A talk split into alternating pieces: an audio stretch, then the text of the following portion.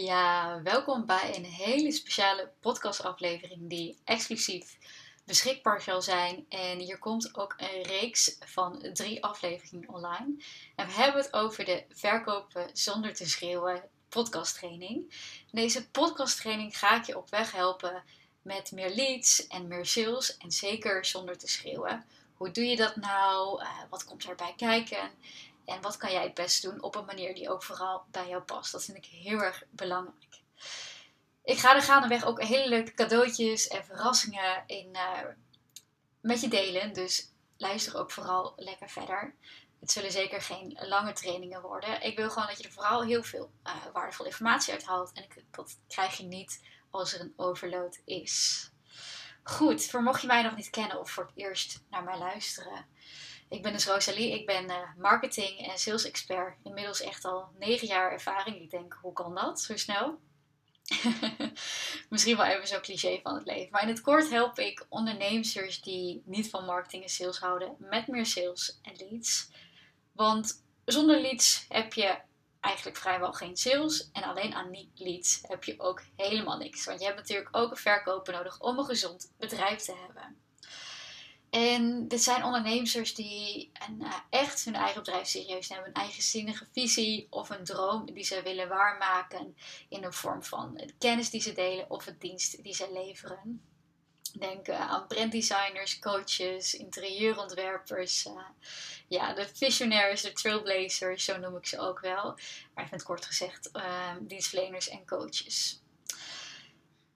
En als we dan gaan hebben over verkopen zonder te schreeuwen, dan moet ik denken aan ja, eigenlijk dat op een authentieke manier doen. Want als jij gewoon bent zoals je bent, dan hoef je niet te schreeuwen om aandacht. En ik denk ook niet dat dat werkt. Als jij heel hard loopt te roepen, uh, het is een beetje hetzelfde als eigenlijk. En dat is misschien wat flauw als je bijvoorbeeld uh, iemand hebt die op uh, straat heel erg aan het bedelen is, tot bijna vervelend aan toe. Um, dan ben je minder geneigd om iets te geven dan iemand die een mooi muziekinstrument speelt. Of die het gewoon heel vriendelijk vraagt. Dan ben je eerder geneigd om iemand wat geld mee te geven. En zo werkt het ook met bedrijven. Gewoon diegene die daar niet zo aan loopt te trekken. Het is gewoon een veel aantrekkelijke energie. En daarmee raak je ook de harten van je klanten. Het is ook de meest duurzame manier, want je blijft dicht bij jezelf. Het kost je geen energie. Natuurlijk gaat er echt wel energie zitten in je bedrijf. En het is om zeker even uit je comfortzone. Uh, maar je snapt denk ik wel wat ik daarmee bedoel. Dat je wel echt iets doet wat bij je past. En daarom gaan we het in deze eerste training hebben over ja, de meest authentieke verkoopstrategie. Dus hoe bepaal je nou eigenlijk uh, ja, hoe je dus komt bij het punt waar wat je wilt gaan bereiken. En daarvoor zijn de eerste twee dingen die ik altijd zie gebeuren waar het misgaat. En de eerste is onkunde. Want als je het eigenlijk niet zo goed weet hoe je, je het beste je marketing en sales kan doen, dan wordt het eigenlijk ook heel erg lastig om te besluiten wat te doen.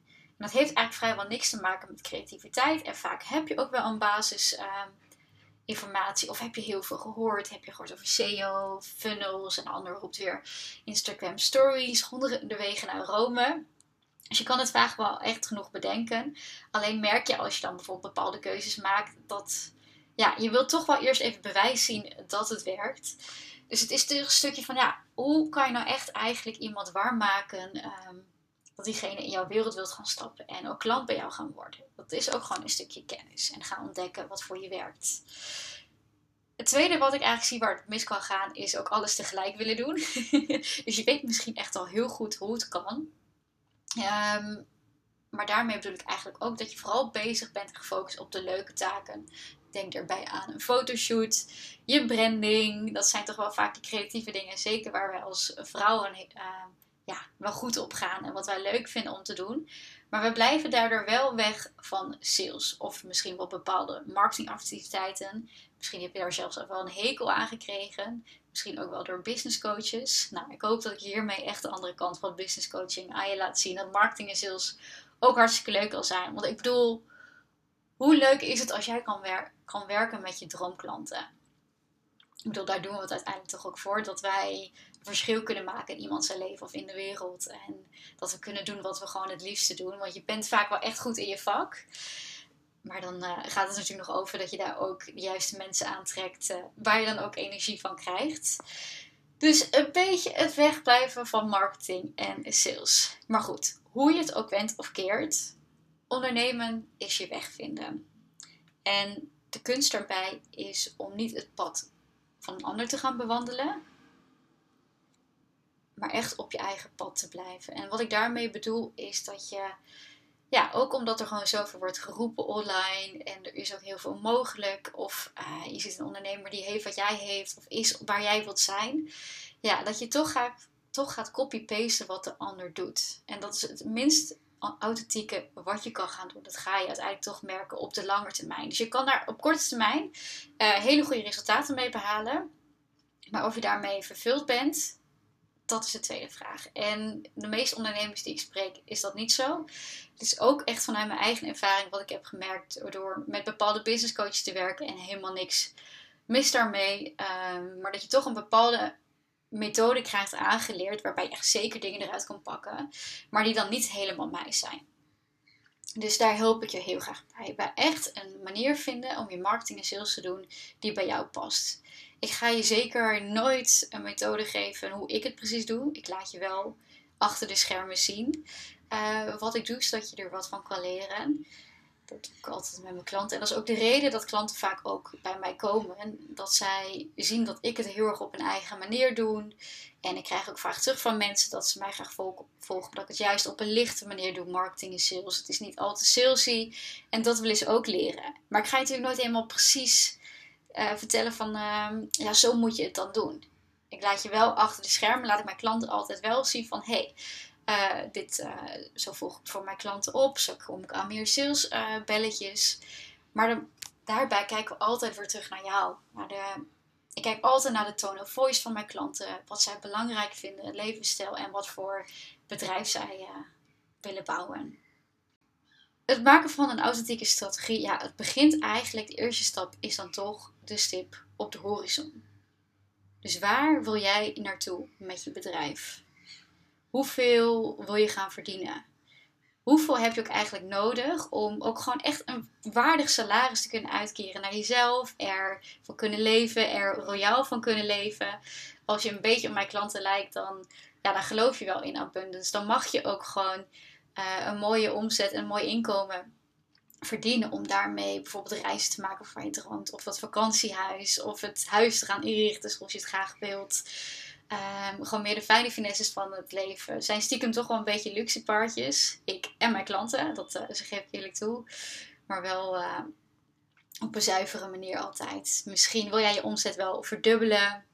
Wil je meer klanten aantrekken die passen bij jou in je expertise. En dan wil ik gewoon ja, hele fijne klanten helpen die gewoon precies echt bij je passen en waar jij van op aangaat. Een aantal voorbeelden van inderdaad wat je kan doen als je weet waar je naartoe wilt. Want het zit eigenlijk zo. Je kan een strategie heel erg zien als een navigatiesysteem.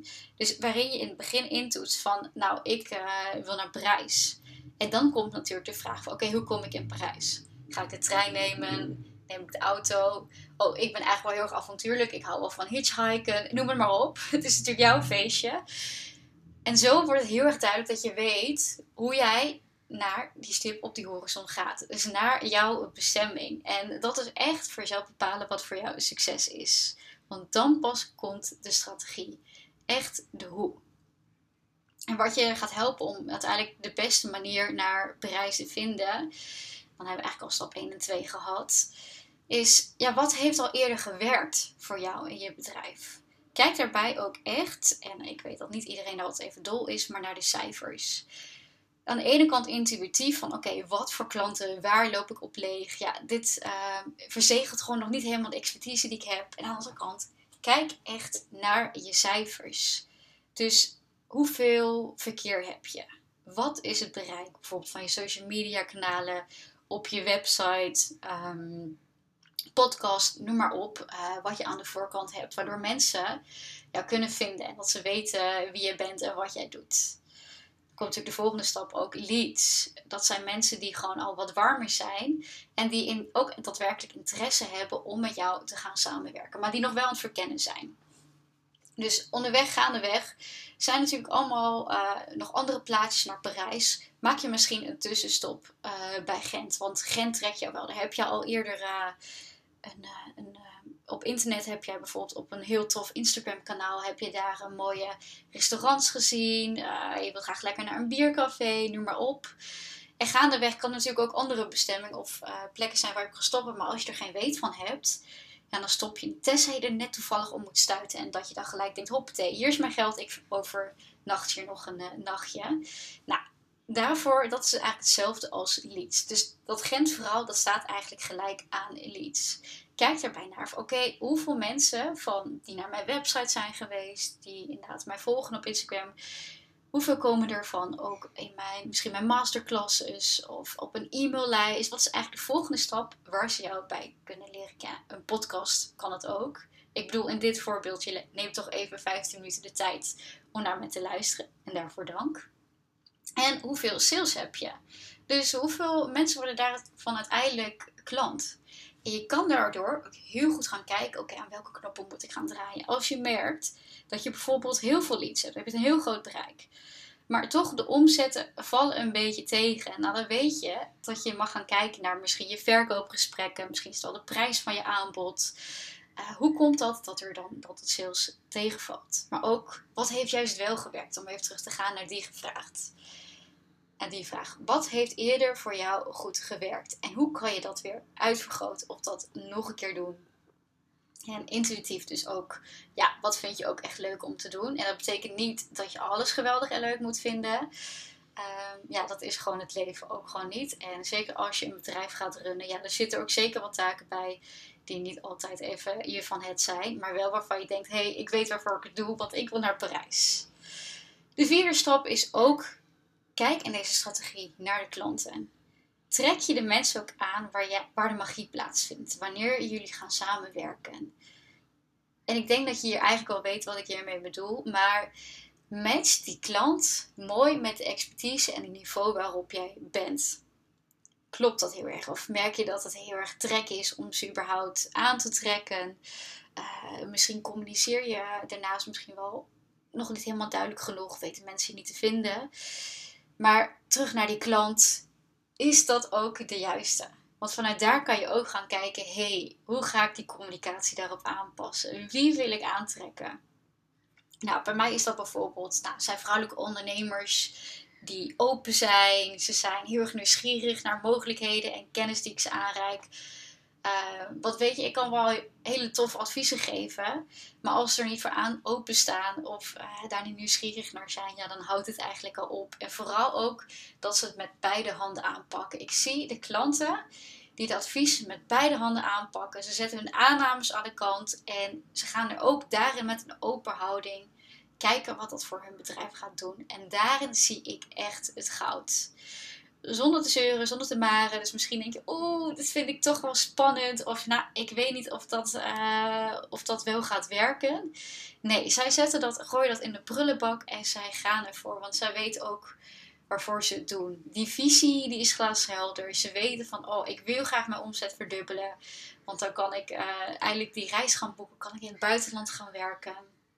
Is er misschien ruimte voor... Uh, zwangerschapsverlof, noem het maar op, waar jij naar droomt of verlangt. Maar eigenlijk hoor ik bij iedereen terugkomen, ze willen een omzet verdubbelen. En die tools heb ik je om je aan te reiken.